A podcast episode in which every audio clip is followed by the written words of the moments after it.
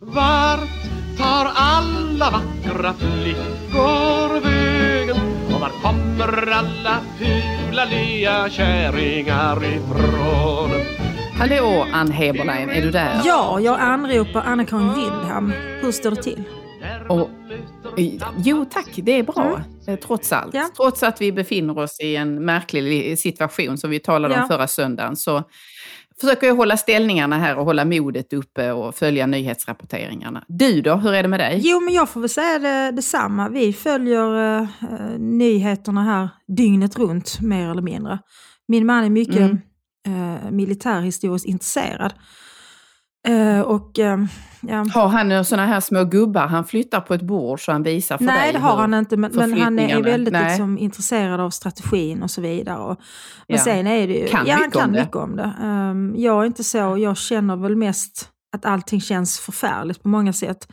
Mm. Men som du sa så, man håller modet uppe och framförallt så så känner vi väl alla en stor tacksamhet som är här och inte där och önskar att man skulle kunna göra någonting.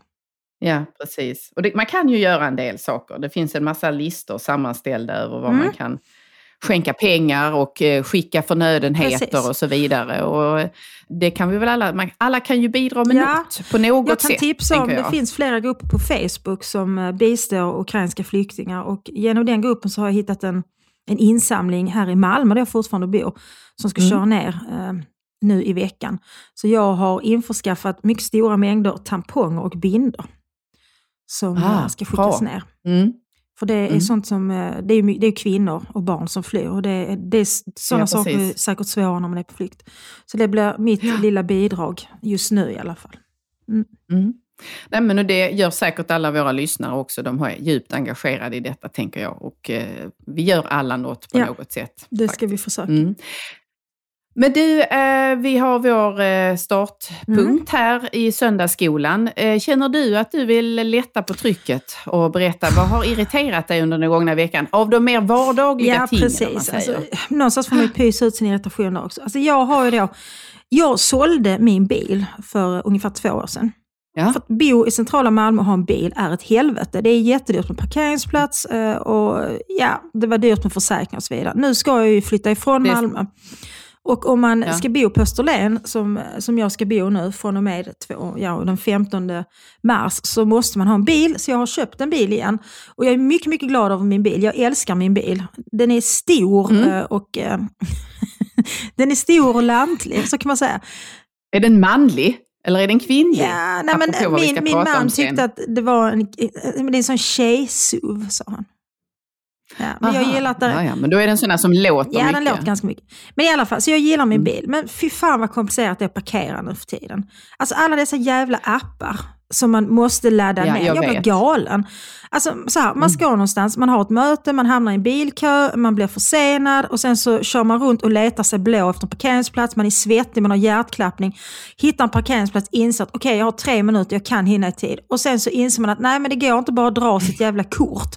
Utan då ska man först ladda ner en nej. app och sen så ska man scanna in någon, någon kod och så ska man Nej, Ge sitt kontonummer ja, alltså, också, eller kortnummer. Det är galenskap.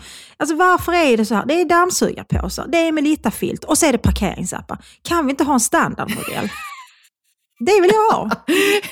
Ja, men eh, alltså här i Göteborg, allt det du har beskrivit just nu stämmer mm. mycket väl in på Göteborg därför att eh, här vill vi inte ha någon biltrafik Nej. inne i centrum överhuvudtaget. Så att man har omöjliggjort för människor att parkera och köra fram ett ja, fordon. Det... Och sen har man dessutom gjort så att man eh, skiftade, bytte ut alla de fungerande parkeringsautomaterna till solcellsdrivna oh, sådana. Ja, med den effekten att de är oerhört långsamma. och där står man och stampar och hoppar på sina högklackade ja. för att man är sen till ett möte.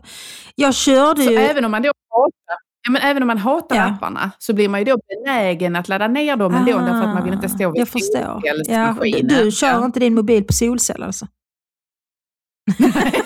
jag har ju mitt eget kraftverk Du är riktig miljöbov. Ja. jag har ett eget kraftverk.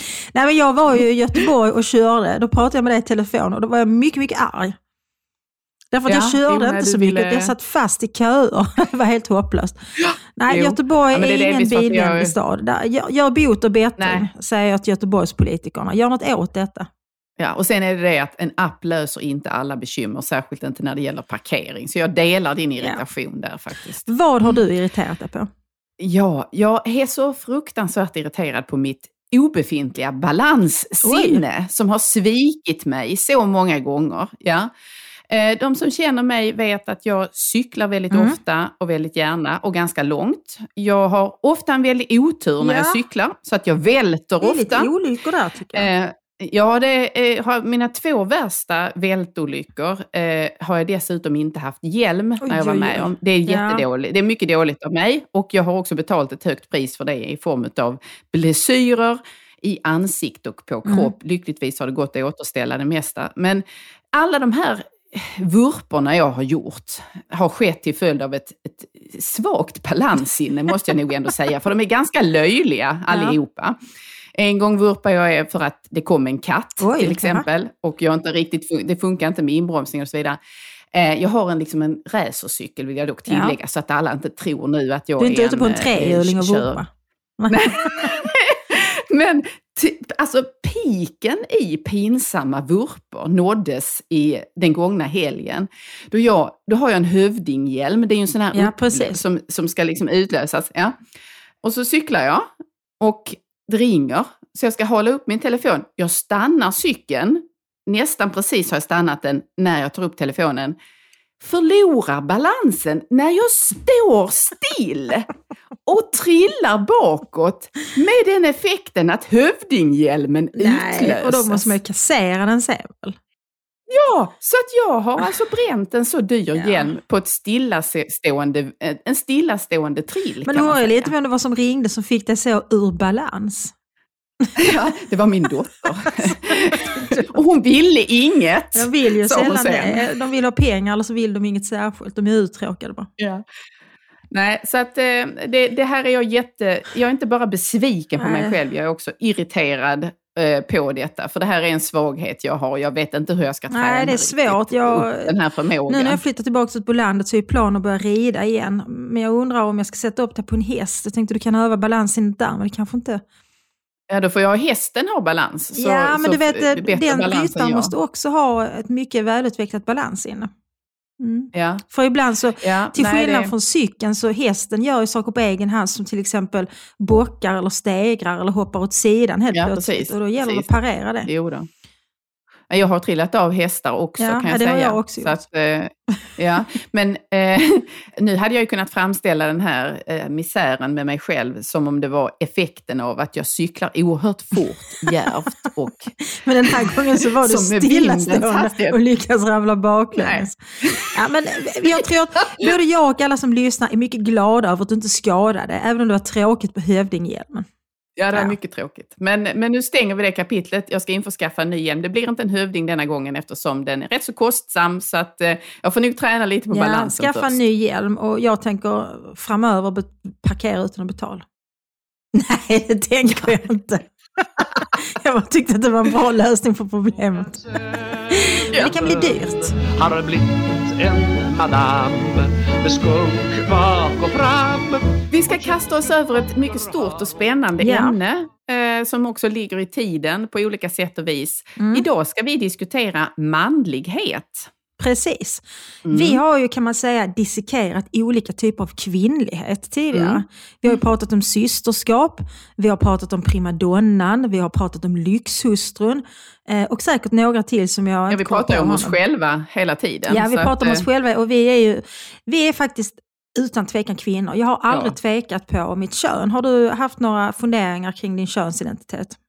Nej, det är nog eh, det jag haft minst tvekan och dubier kring kan man säga. Eh, du har varit osäker på mycket angående dig själv, men inte just det.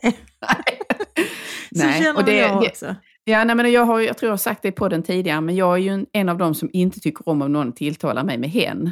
Nej, jag tycker det är eh, oförskämt. Ja, och, och i det ligger ju dels att hen tycker jag är en del av ett lite, lite politiserat språkbruk, mm. även om man, det kan finnas gånger då man kan använda det. Men jag tycker att jag är tydlig i vad jag identifierar mig som, nämligen mm. en kvinna.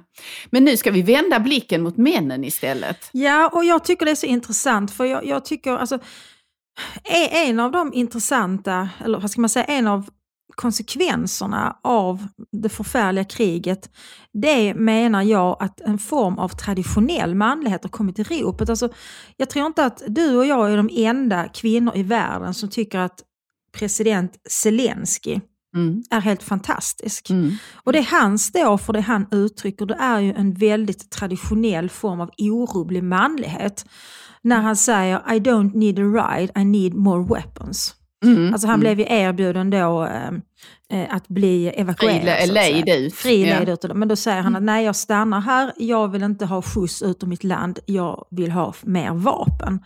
Mm. Eh, och det är ju enormt manligt och det är också väldigt manligt liksom den här tryggheten, eh, viljestyrkan, envisheten som han, som han utstrålar. Så jag funderar lite över om och det är väl inte okänt heller att, att när, när mänskligheten hamnar i olika typer av kriser så söker man sig ofta till det traditionella. För att det mm. upplevs som tryggare i någon mening. Ja, nej, men det är ju också det han eh, visar eh, i form av, ja, som du sa, mod och eh, en plikttrogenhet. Ja. Så till den grad att han sätter sitt liv på ett mycket påtagligt vis på spel. Mm. Därför att han då, mm. i, i detta kan han ju komma att offra sig själv för det han tror på och för det hans folk, så att säga, de han leder, de han är valda av, mm. har bett honom att göra. Mm. Det är ju en form av, alltså som vi, om vi då kallar det en, en maskulina dygder eller manliga dygder, Precis. som eh, i, överhuvudtaget inte har blivit framlyfta som manliga dygder som vi ska så att säga beundra eller se upp till eller för den delen eftersträva att tillskapa hos unga män. Mm. Utan väldigt mycket har ju istället handlat om att när man talar om manlighet så är det, det är någonting man bespottar och mm. kritiserar. Mm. I synnerhet om det då är en traditionell maskulinitet. Mm. Då är det någonting som man ska uppfostra pojkar bort ifrån. Alltså jag tänker till exempel på den, en av dem som jag tycker är någon slags absolut motpol mot det som Zelensky uppvisar. Faktiskt, där vill jag upp, eh, föra fram Justin Trudeau. Mm. Jag är helt enig eh, med dig.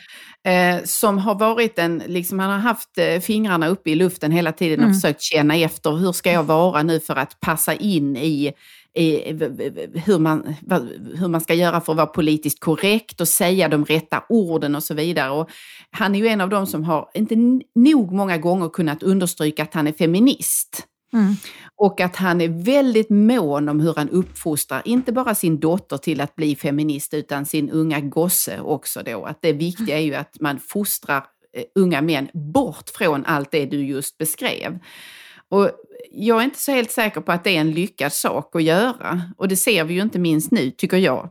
Mm. Nej, jag, tycker, jag tycker det är intressant för att som jag sa här inledningsvis så, så följer vi utvecklingen i Ukraina dygnet runt mer eller mindre. Och jag, jag tycker att Alltså public service har ändå, tycker de har levererat ganska bra. Så de mm. har haft mycket sändningar de har människor på plats och de har eh, lyckats hitta många fascinerande många svensktalande ukrainare som har mm. kunnat liksom berätta och så.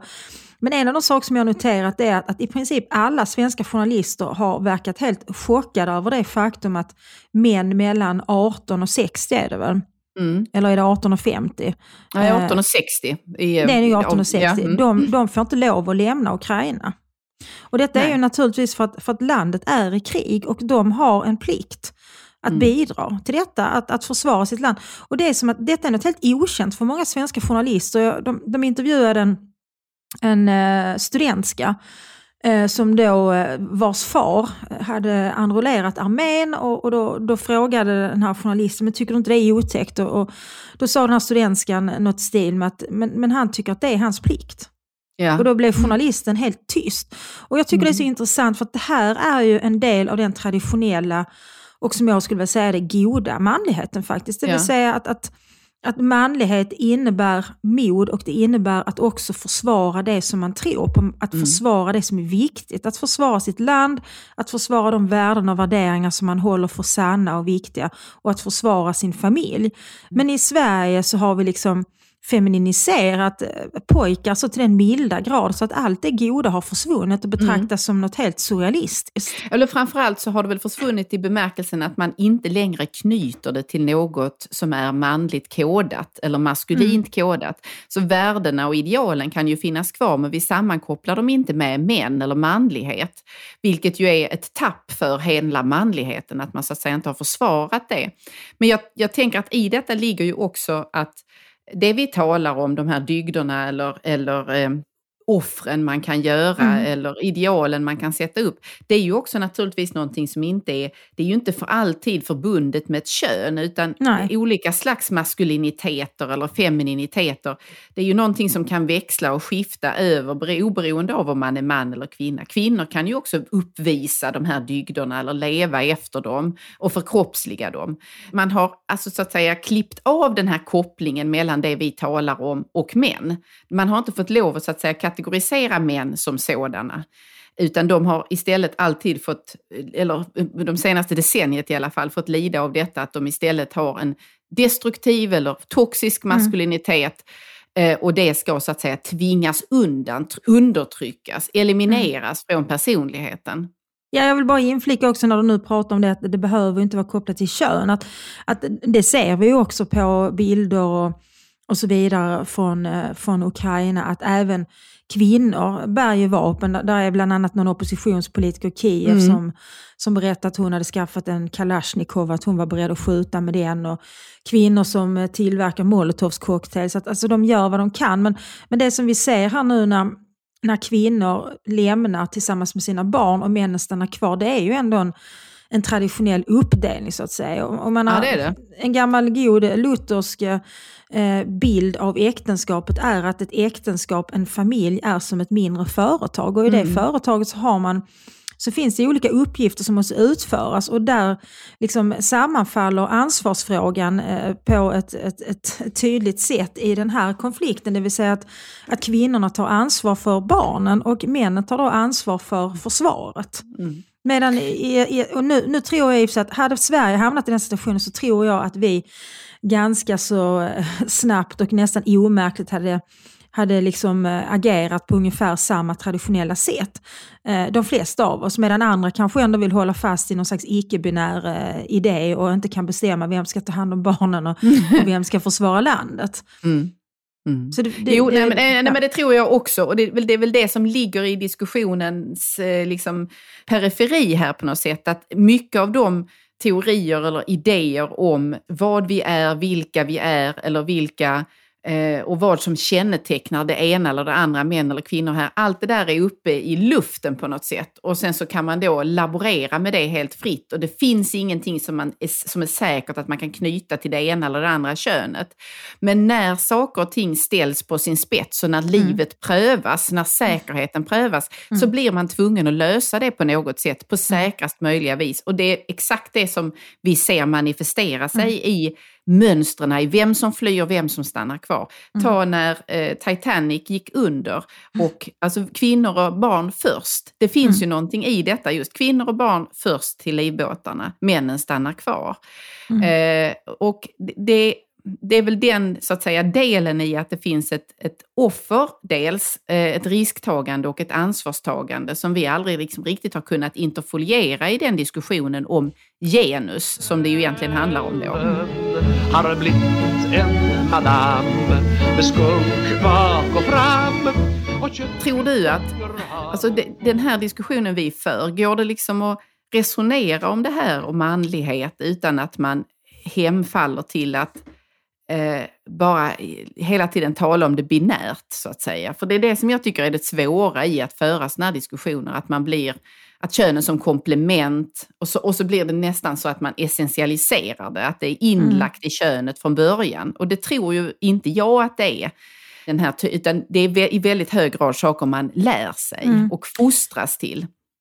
Nej, det tror inte jag att det är. Och jag tänker så här, i de här diskussionerna som nu har förts under ganska många år, i alla fall i vår kontext, jag är inte säker på att man har haft liknande diskussioner i till exempel Ukraina eller Ryssland, för det är en kultur som skiljer sig från vår. Mm.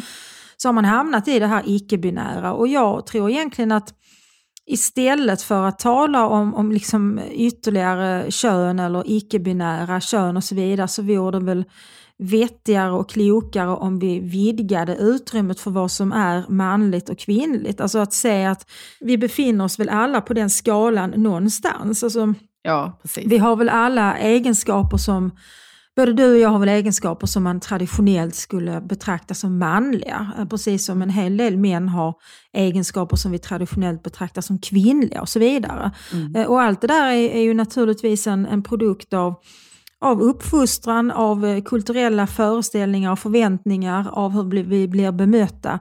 Men, men det finns ju också en biologisk komponent i det hela, det är jag helt ja, övertygad om. Men jag tänker på, eh, alltså Mrs Genus eh, system, Mrs Genus system i mm. Sverige, mm. det är Yvonne Hirdman ju, som är professor i historia, så småningom i genus. Ja. ja. och som jag har haft mycket stor glädje av att läsa vill jag bara säga och mm. använt mig mycket av i mm. analyser och liknande. Jag tycker hon har många goda teoretiska poänger. Eh, men en av hennes, när hon uppfinner den här idén om ett genussystem som strukturerar eh, samhället och oberoende av i vilken tid man tittar. Det är ju det som är lite, så att säga, inte kanske helt trovärdigt att detta genussystem gäller överallt och alltid. Men då säger hon att det styrs av två logiker. Mm. Eller två normer eller vad vi ska kalla det. Det ena är könen ska hållas isär. Och det andra är mannens överordning eller manliga mm. överordning. Mm. Och tittar man då liksom historiskt så är det ju inte svårt att i det förflutna hitta exempel på detta, att könen hålls isär eller att mm. det som är kategoriserat som kvinnligt, det är en sak, manligt en annan och att mm. männen har mer makt än kvinnor. Men om vi tittar nu på hur det ser ut och på just i relation till det vi pratade om tidigare, så tycker jag det där faller med den manliga normens överordning. För det mesta vi har ägnat oss åt de sista decennierna är ju att racka ner på män snarare. Mm. Men har hon en poäng i alla fall, eller vad säger du? Ja men det tror jag att hon har, har faktiskt. Sen får man väl också, alltså, män och kvinnor är individer också. Det är klart att det finns det finns eh, kvinnliga individer som har, som har mer makt än, än manliga individer.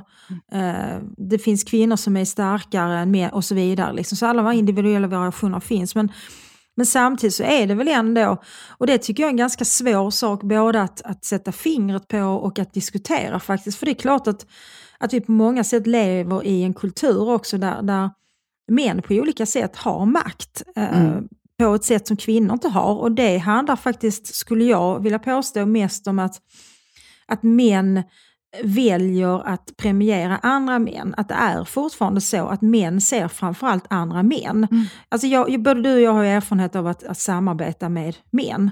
Mm. Och, och, om jag samarbetar med en man, om jag skriver någonting tillsammans med en man eller gör någonting tillsammans med en man, så oavsett vem som har högst utbildning och så vidare, så är det ändå mannen som får beröm. Mm. Att man utgår ifrån att det är han som är hjärnan och att jag kanske har korrekturläst eller någonting. Ja. Mm. Och det tycker jag är ett det är för mig ett ty tydligt uttryck för, eh, för det som Hirdman pratar om. Faktiskt. Att, och det är ju andra män som beter sig så.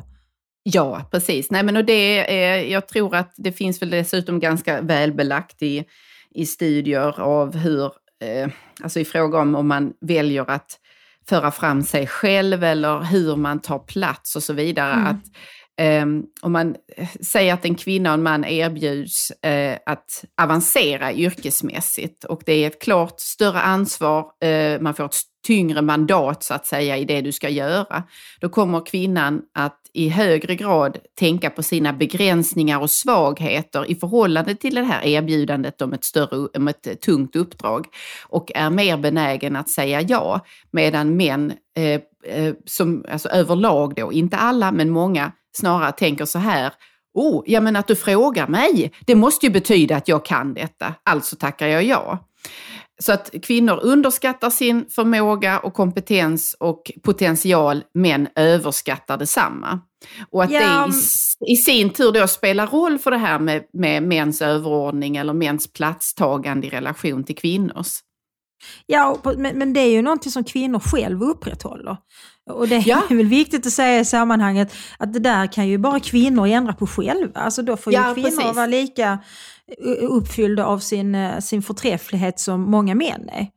Och sen ja, återigen, jag... det finns ju naturligtvis ett antal män som inte är så uppfyllda av sin, sin egen förträfflighet, utan som tvärtom är är väldigt osäkra. Och det ja, tror precis. jag faktiskt delvis också är en konsekvens av, för att om man, säger, om man talar om det här liksom, nej men, den manliga normens överhöghet. Ja, mm. vi kan se det på vissa sätt fortfarande, men samtidigt är det som du sa för ett tag sedan att, att vi har också ägnat några decennier nu åt att tala om toxisk maskulinitet och racka ner på allt som är manligt. Och för en del män har detta gått in i dem så att de är osäkra på hur, hur ska man vara man då? Ja, precis. Får jag lov att känna så här? Mm. Eh, och eftersträva något liksom någonting som varken män eller kvinnor egentligen vill ha. Nej, men det ser vi ju i utbildningar, dels i betygsstatistik och sånt också, men i, i fråga om trivs man i skolan överhuvudtaget? Mm. Trivs man på, vid universitetet? Trivs män inom humaniora och i vissa delar av samhällsvetenskapen och utbildningsvetenskapen? Nej, uppenbarligen är de inte supersugna på att studera där och de hoppar i högre grad av. Det är en oerhörd dominans av kvinnor inom de här fälten.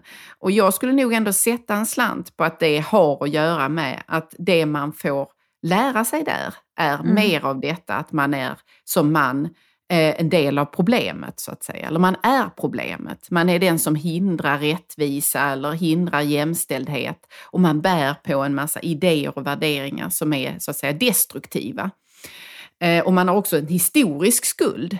Vilket ju är helt bisarrt att beskyllas när man är för när man är en ung människa. Att man, någon slags arvssynd i form av de brott som är begångna av män tidigare. Mm. Det finns ju ett sätt att tala om det här idag, när, att in, alltså mäns våld mot kvinnor som är ett reellt problem. Mm. Men detta ska då alla män bära skuld för, trots att inte alla män slår. Ja. Jo, precis. Och, och det, är ju, det, det, är en felaktig retorik och jag tror liksom inte att vi löser problemet med mäns våld mot kvinnor genom att skuldbelägga alla män. Samtidigt måste jag säga att det har ju också slagit över. För att liksom, nu har vi faktiskt hittills pratat om, vi har, vi har hyllat i olika typer av manliga dygder, pratat om god manlighet och så mm, vidare. Men mm. det finns ju också liksom, någon slags manlighet, tycker jag, som slår över nu, som, som jag faktiskt också tror är en konsekvens av en feministisk retorik som skuldbelägger alla män och som pratar om toxisk maskulinitet och så. Som, som liksom är någon slags manlighet som istället förminskar och negligerar det våld som faktiskt sker mot kvinnor. Mm. Och liksom, det, till exempel, det, det, är liksom någon slags också någon slags eh, reaktion på metoo-rörelsen. Ja, metoo-rörelsen gick nog överstyr på vissa sätt och en del män blev oskyldigt utpekade och så vidare. Men alla var inte oskyldiga. Det är också så att män faktiskt begår sexuella ja. övergrepp mot mm. kvinnor och att män eh, liksom utnyttjar sin makt över kvinnor på olika sätt.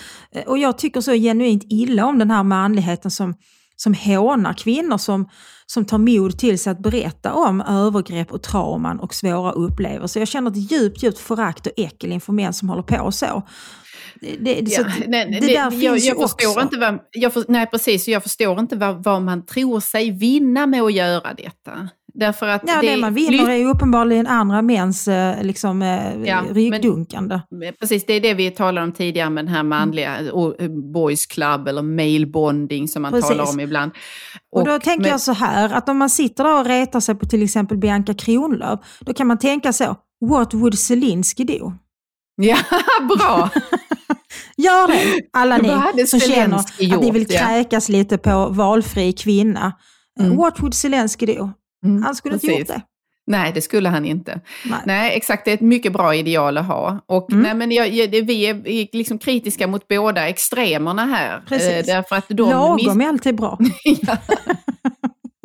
men eh, man talar ju länge, du nämnde ju metoo tidigare. Mm. Eh, och en del av diskussionen, eller om man tänker sig en del av resonemanget där, eh, berörde ju begreppet kulturmän.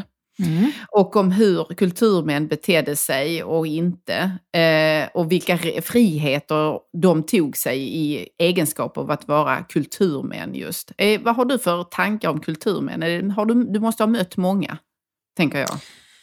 Nu var jag fördomsfull, jag hoppas inte du tog illa upp, men du är ju en kulturkvinna. Ja, ja precis. Nej, men jag har väl ja. mött många kulturmän och jag gillar väl i allmänhet kultur, men alltså jag är ju ändå... Jag, jag gillar män som jag kan se upp till.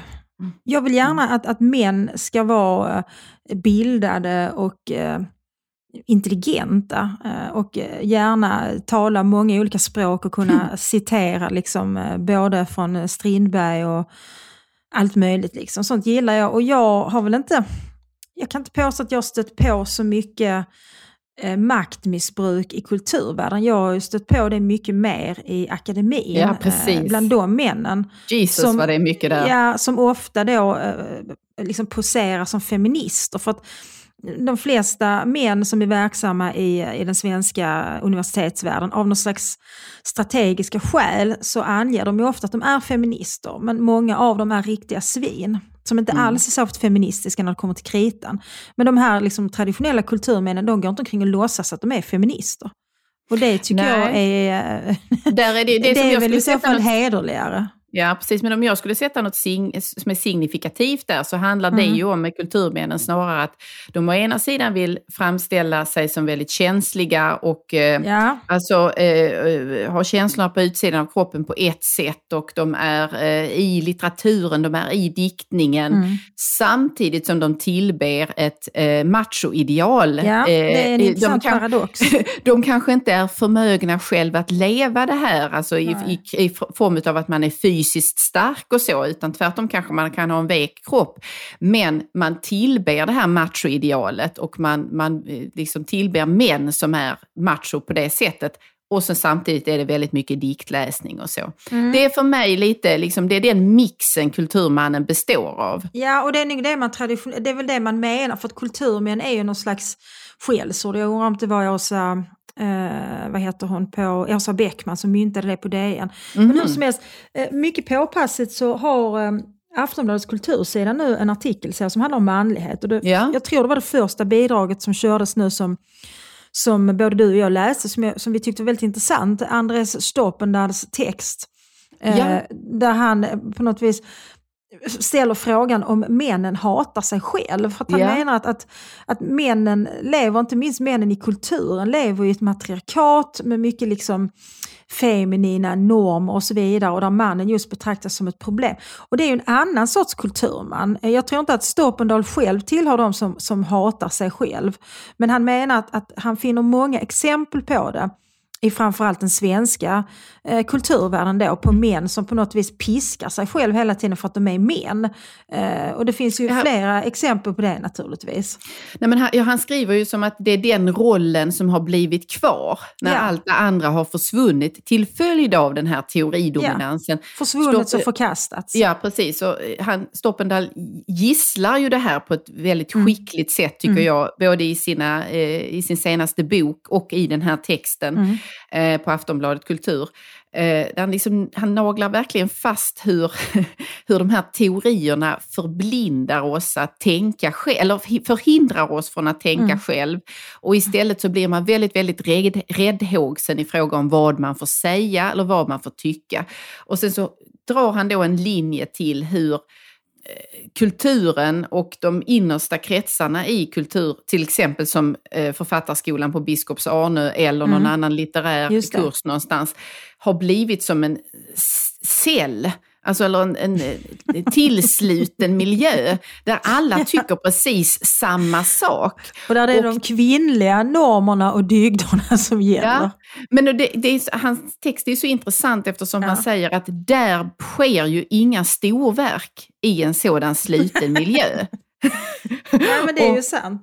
Ja, så att jag tycker han har en bra poäng och att han just visar då att den enda den här positionen som, har, som finns kvar, det är den män som talar om att de föraktar och hatar sig själv. Precis, det, det, är liksom den enda, vad ska vi säga, det är den enda gångbara positionen. Men till, mot den texten vill jag kontrastera en text som publicerades i Expressen uh, ungefär samtidigt som Stoppendags text, nämligen en text av Linda Skugge. Mm -hmm. uh, där, där hon uh, utgjuter sig. Tydligen så har uh, Anders Bagge suttit och gråtit i tv. Jag, jag ser mycket sällan på, på den sortens tv-program. Jag tror, han, blev glad för, han blev gråtglad för att han gick vidare till final i Melodifestivalen. Ja, det var det här så kallade ja. Mello. Ja, okej, okay, mm. jag missade. Men i alla fall, rubriken till, till Skugges bredsida då på Anders Baggar, ytterst få kvinnor vill ha en gråtande mjukisbamse.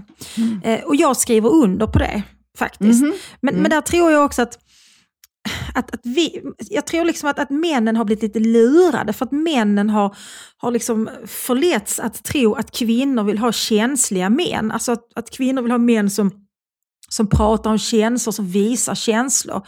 Vill vi egentligen det? Jag tycker så här att det är jag ja, som Jag vill gärna att de ska kunna prata om mina känslor Ja, precis. Prata gärna om mina känslor. Men dina känslor, nej jag är inte så intresserad. Ah, det ska, jag tycker inte det, där tycker jag inte du har riktigt rätt, enligt mig i alla fall. Men jag förstår vad du menar med att eh, det kan bli för mycket av det goda också. Och det, det är ju någonting med de här gråterskorna, eller gråtarna då i maskulin form. Eh, ja, där, jag, jag minns där, att du hade någon spaning kring det nya året, att vi var trött på liksom folk som grät ut. Och då, då, ja. då, då pekade du faktiskt ut en namngiven man. Vi behöver inte upprepa detta, men... Nej, han har, men han har gråtit ut om allt möjligt eh, väldigt länge. Ja. Men möjligen kan någon eh, ny, det, han kanske kan komma på någon annan, ytterligare någon gång då någon trampade honom på tån och gråta en vända till. Det var Peter Jöback kan vi ju säga ja. nu faktiskt. Ja. Men, eh, nej, men jag, jag tror att det är en trend som är, stö, alltså den är större än Anders Bagge och män här. Därför att vi har ju sett hur många tv-serier som helst som handlar om att kända människor ska blotta sig och prata om sig själva och bli så till den milda grad berörda av sig själva att de gråter. det är någon slags jävla emotionell onani. Ja, det är När det man faktiskt. sitter och blir så otroligt rörd av sina egna känslor så att man börjar gråta. Ja. Jag tycker jag det är tror, opassande. Jag tror snarare att, hans, eh, att han blottar sig där, det är mer en förlängning av det än att det är någon ny maskulinitet, eller den mjuka mannen så att säga, som, som faller i gråt över att han vann en finalplats i den svenska uttagningen till Melodifestivalen. Så ja, jag är ledsen kan, Anders, ja. men det är inte så stort. Nej, men, men sen så vill jag ändå säga att jag tycker Anders Bagge verkar vara en trevlig prick. Liksom. Mycket sympatisk. Han, han gillar djur och det är faktiskt en sån grej som jag tänker när jag har parat ihop mig med olika män. Att ja, det är ett urvalskriterium jag har. Alltså män som inte gillar djur är jag mycket tveksam till. Men ja, du, kvinnor också Ann Heberlein, nu vill jag påminna dig om att du spydde ju lite på män med stora hundar. Ja, men man ska ha en hund i en storlek som man klarar av att hantera. Därför en man som inte klarar av att hantera en stor hund, han klarar inte av att hantera mig heller. Nej, nej, nej, nej, jag förstår logiken där. Ett, ett, ett urvalska. Nej, men jag, jag, tänker ändå därför att vi lär ju liksom våra söner och våra pojkar, de får lära sig i skolan att att de ska liksom, det är ändå, alltså, du har ju faktiskt varit inne på det, men det är ju ändå så att den svenska skolan premierar ju mjuka värden och premierar ja. väldigt mycket liksom kvinnliga värden, eh, om man nu kan, kan, kan tala om det. Och jag, liksom, jag tänker på när mina pojkar gick i i högstadiet så fick de se sådana här filmer som Hipp Hipp Hora, som, det var en film, ja. den har ju många år på nacken, men, men där framställdes ju mannen och den unga mannen som ett hot mot, mot kvinnor. Och det var ju väldigt svårt att ta in när man var 12 år och aldrig ens hade hållit någon i handen. Så att den bild liksom som, som unga män och pojkar erbjuds i skolan till exempel är ju ofta en bild av att manligheten är ett problem. Ja, Istället så borde man väl erbjuda en god manlighet så att säga. För så har ju, alltså feminismen har ju arbetat så att lyfta fram kvinnliga förebilder och kvinnlig styrka och sånt. Medan liksom maskulinitetsteoretiker har ju snarare bara bankat på männen. De ja. hatar ju verkligen sig själva de här maskulinitetsteoretikerna. Och det tycker jag är tragiskt, därför ja, männen är, är värda bättre. Mm. Och de är så mycket mer än det dessutom. Men jag tänker att i Linda Skugges eh, attack där på Anders Bagge, det ligger ju någonting lite märkligt i det också, att det är just det, nu har hon ju för sig specialiserat sig på att skriva den typen av texter där hon eh, blir oerhört arg på, på allt och alla och alla ja, är fel. Det är liksom hennes nisch. Eh, ja, precis. Men hennes, till hennes historia hör ju att hon kom fram som en ung eh, aktiv feminist, så att säga. Mm. Som sådan troligen intresserad av en, att en, en, maskulinitet som var i förändring, som var stadd i förändring för att vi skulle upp, alltså skapa ett mer jämställt samhälle. Det är ju liksom det som ligger i feministens gärning. Så har i alla fall mm. jag sett det när jag har arbetat på olika sätt mm. och vis. Och då blir det ju på ett sätt lite kontraproduktivt och också eh, märkligt i förhållande till vad man själv kommer ur, att man då skriver en text som, som egentligen i princip säger att alla män är skit. Alla existerande män är skit. Det här är vad jag vill ha och så gör hon någon slags egen kravlista då. Ehm, ja, men alltså så här, jag tror att Linda Skugge har haft ett sexuellt uppvaknande nu de senaste åren. Mm. Som jag förstår det så har hon skilt sig och så har hon träffat en massa män som hon ligger med.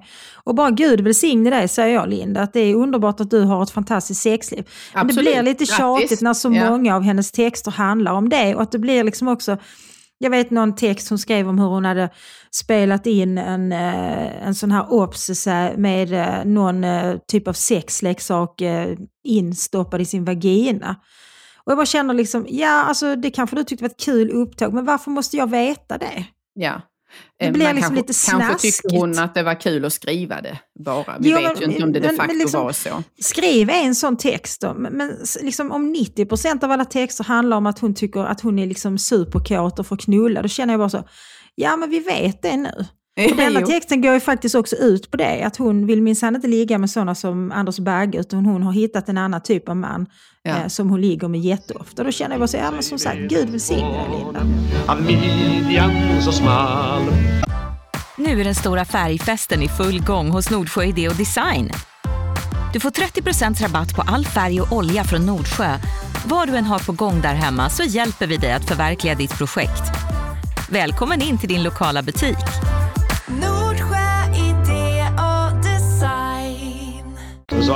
Royal. Men du, nu tänker jag göra ett raskt hopp här till, ja. alltså vi talar ju lite olika typer av män och en mm. sak som jag har funderat mycket kring eh, och i fråga om vad jag har mött för kritik inom akademin eller för sådana när man har blivit fostrad till hur man ska vara eller hur man inte får lov att mm. vara. Så vill jag minnas, eller berätta om en gång när jag och min kollega skulle göra en föredragning för en jättestor grupp människor och vi var då unga doktorander, eh, alltså lägst i hierarkin. Mm. Eh, och vi gjorde den här presentationen som vi hade förberett, det var rätt så saftiga grejer vi skulle berätta och kritisera verksamheten. Eh, vi hade då lagt in lite skämt för att lätta upp detta. Ja. Eh, och det föll ut fantastiskt väl. Alla skrattade otroligt mycket och vi fick så mycket beröm efteråt. Och det kom en av de kvinnliga professorerna fram till mig eh, senare samma dag och säger så här. Då var den här kvinnan specialist på genus. Mm. Så säger hon så här. Jag vill berömma er för att ni hade modet att skämta. Det är så sällan som kvinnor skojar och är roliga och drar skämt. Mm. Vad bra att ni vågade det. Och då tänker jag så här, vad är det som gör att det är, det... är det sant? Hade hon rätt? Är det ont om kvinnor som är roliga? Är det, är det något som är förbehållet man och man, män och manligheten? Att ja, jag tror faktiskt det. Jag, jag, har en liknande episod också från min tid som doktorand, där det var en uh, större sån här akademisk tillställning. Uh, och det var någon professor som skulle avtackas som jag hade haft en hel del samröre med då. Och då höll jag ett tal Mm. Eh, som var eh, ganska så skämtsamt och humoristiskt. Och efter talet så var det en av de eh, äldre kvinnliga professorerna, en av institutionens första kvinnliga professorer faktiskt, som sa till mig att det hade varit så underbart att lyssna på mitt tal, därför att jag vågade vara witty. Ja. på ett sätt som kvinnor i akademin mycket sällan är, men som män i akademin ofta är. Witty är liksom den här typen av akademisk, lite, lite torr, lärd humor. Mm eh, som är något av en konstart. Mm. Eh, så jag, jag, har fått faktiskt nästan samma reaktion där som, som du och din kollega. Och jag tror att, att kvinnor är rädda för att inte bli tagna på allvar i de här mer manliga bastionerna mm. eller sammanhangen. Och om man då skämtar eh, så riskerar man ju att, att bli avfärdad som mm. tramsig. Mm. Därför, alltså, man, man bedömer ju faktiskt mäns och kvinnors beteende rätt så olika måste jag säga. Att en mm. kvinna som, som skrattar och skämtar riskerar alltid att avfärdas som flamsig och tramsig. Det kan jag ju tänka på när du och jag sitter här och pratar, att, att vi eh, skrattar ju ganska ofta och skämtar mm. och så vidare. Så kan jag tänka så när, när vi har slutat spela in, tänker gud, liksom, nu var jag tramsig. Eh, men, men jag tycker att man kan jag tycker att det är också att ge uttryck för ett visst eh, förtroende för sig själv och det man säger, att man faktiskt också kan skämta. Och det mm. förtroendet kanske inte så många kvinnor har. Samtidigt är det naturligtvis så också att en kvinna som inte ler på bild mm. uppfattas ju som mycket aggressiv och sur ja, och bitter. Ja. Så vi har ju det i, och det är ju en svaghet som jag har. Vi ska bli roade. Och vi ska se ja. roade ut, men vi ska inte roa själv. Det är Nej, väl det som ligger här i, i, i, normen så att säga. Men mm. jag kan tänka att det, det som vi talar om nu, där eh, jag vill ställa frågan så här, är det, är det någon som får skämta idag? Därför att en del av den här kulturen som vi kritiserar där man är aggressiv mot eh, den, den giftiga maskuliniteten och så vidare. I det ligger ju också att du får aldrig riktigt dra ett skämt som någon kan ta illa vid sig av.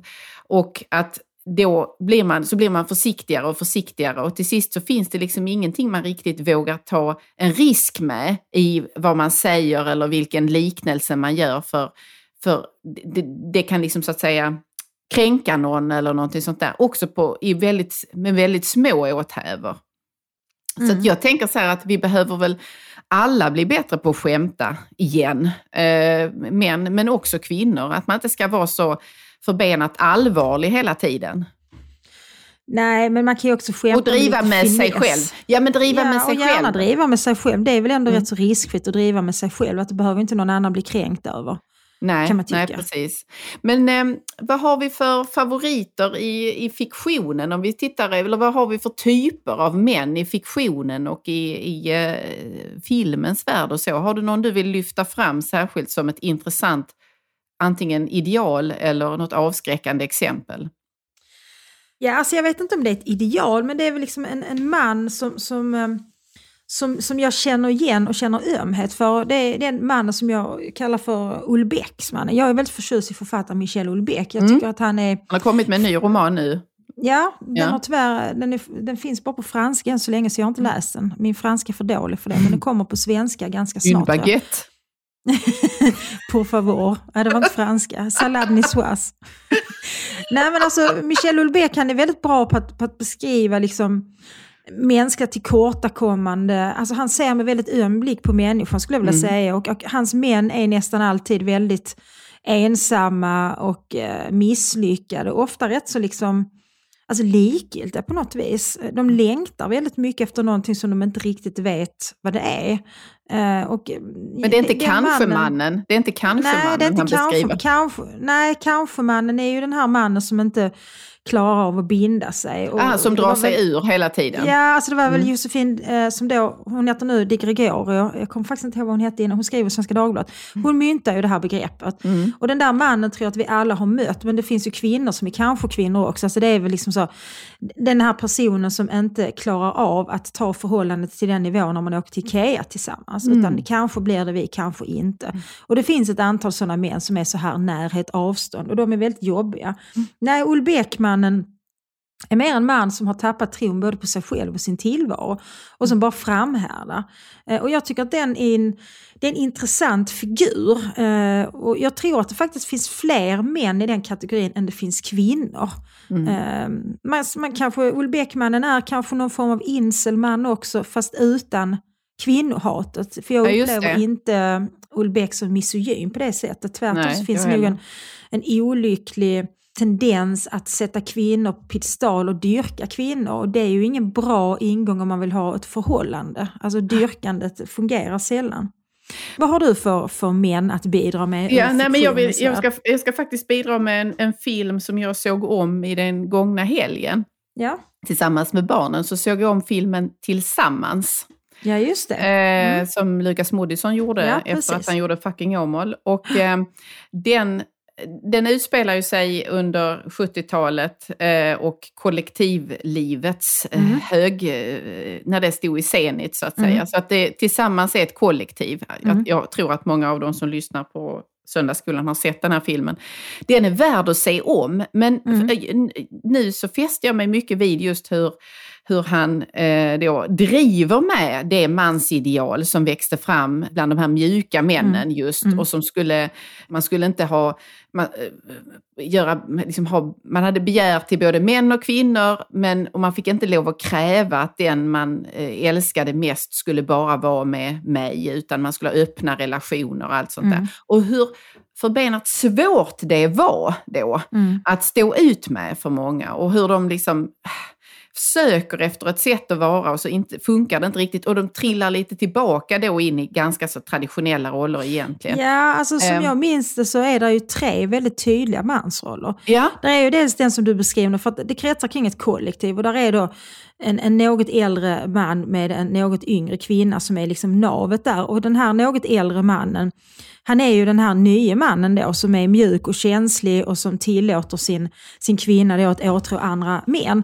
Och hon trånar då efter en annan person i kollektivet som spelas av Olle Sarri, som är den här unga liksom ivraren. Och det är ju en, en, en, typisk man som finns i många av Dostojevskijs eh, romaner. Alltså ivraren, den, den, den liksom ideologen. Ja, han är övertygad. Han är, liksom... han är övertygad, mm. han, han, han citerar Marx hela tiden. Han är mer kär i Marx än vad han är i henne Ja, precis. Han är egentligen mm. helt ointresserad av henne. Och det är ju mm. också liksom en typisk grej att, att man går igång på någon som inte vill ha. Så han är ju den sortens man som är liksom lite, han lever mer i intellektet än i kroppen så att säga. Jag mm. skulle kunna kalla honom för Nietzschemannen. Jag har träffat många Nietzschemän i mitt liv mm. Ehm, och de är inte alltid liksom eh, betuttade i Nietzsche, men väldigt ofta. Och sen har vi den tredje typen.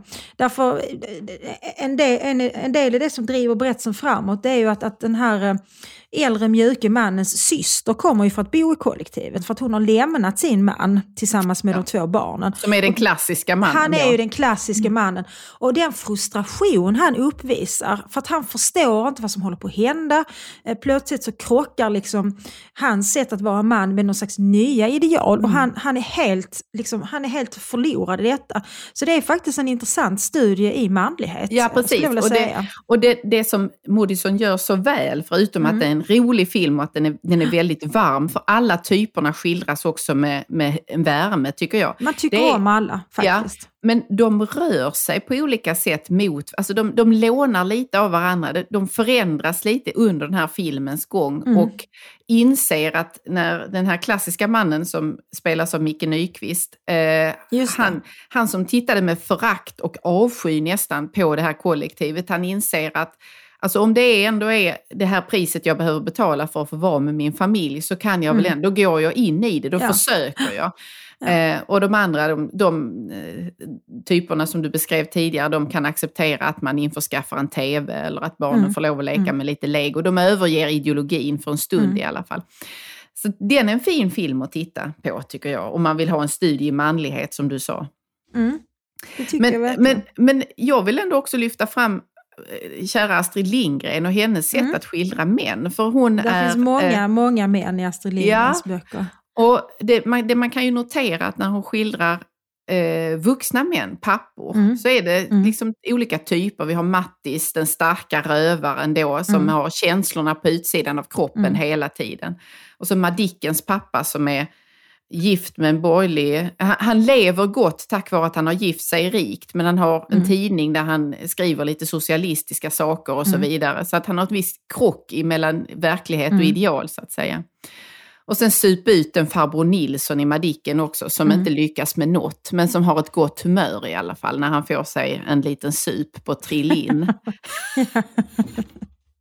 Så hon, hon lyckas ju pricka in typer på samma vis som i Tillsammans på något sätt kan jag tycka. Mm. Eh, men man kan ju samtidigt notera till hennes, alltså man tittar man på barnen hon skildrar så är ju, det är ju oerhört många veka pojkar, mm. osäkra pojkar ensamma pojkar som är liksom ri, dri, rivna av någon slags ångest eller osäkerhet eller förlust, inte mm. sällan.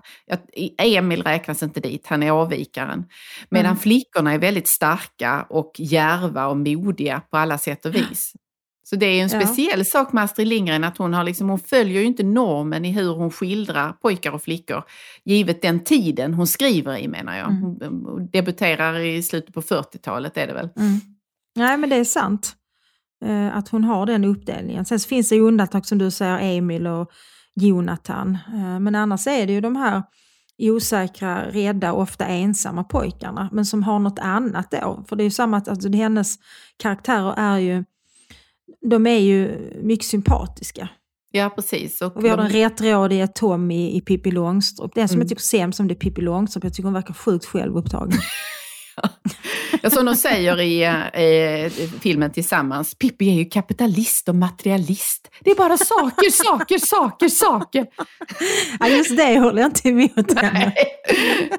Nej, men det finns ju de som menar att det faktum att Astrid Lindgren skriver så mycket på det sättet har att göra med att hon eh, fick lämna bort sin pojke när hon, ja, han, ja. Eh, hon fick honom, hon var mycket ung. Och när hon sen tog tillbaka honom till sig så blev det inte riktigt som hon hade tänkt utan hon såg vad, att hon istället hade berövat honom ett hem, det han trodde mm. var sitt hem och en förälder. Och den förlusten han led gjorde honom ensam på ett sätt hon inte hade mm. räknat mm. med. Medan flickorna hon skriver om är Astrid Lindgren själv. Mm. Och det ligger nog mycket att, i det.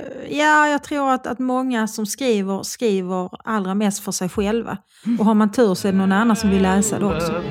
Har blivit en madame med skunk bak och fram vad har vi täckt in allting om manlighet nu? Eller vi tror vi att detta är ett ämne som vi ska komma tillbaka till? Jag känner att det blir ett avsnitt till om manlighet eh, i en icke avlägsen framtid. Ja, jag tror att vi kommer att prata mycket om manlighet och vi kan väl ha ett specialavsnitt om, eh, låt säga, eh, den svåre mannen eller mjukismannen eller de här höhö-männen som jag har mycket svårt för. Eller den mystiske mannen. Men hur är han? Uh, hur är den mystiske mannen?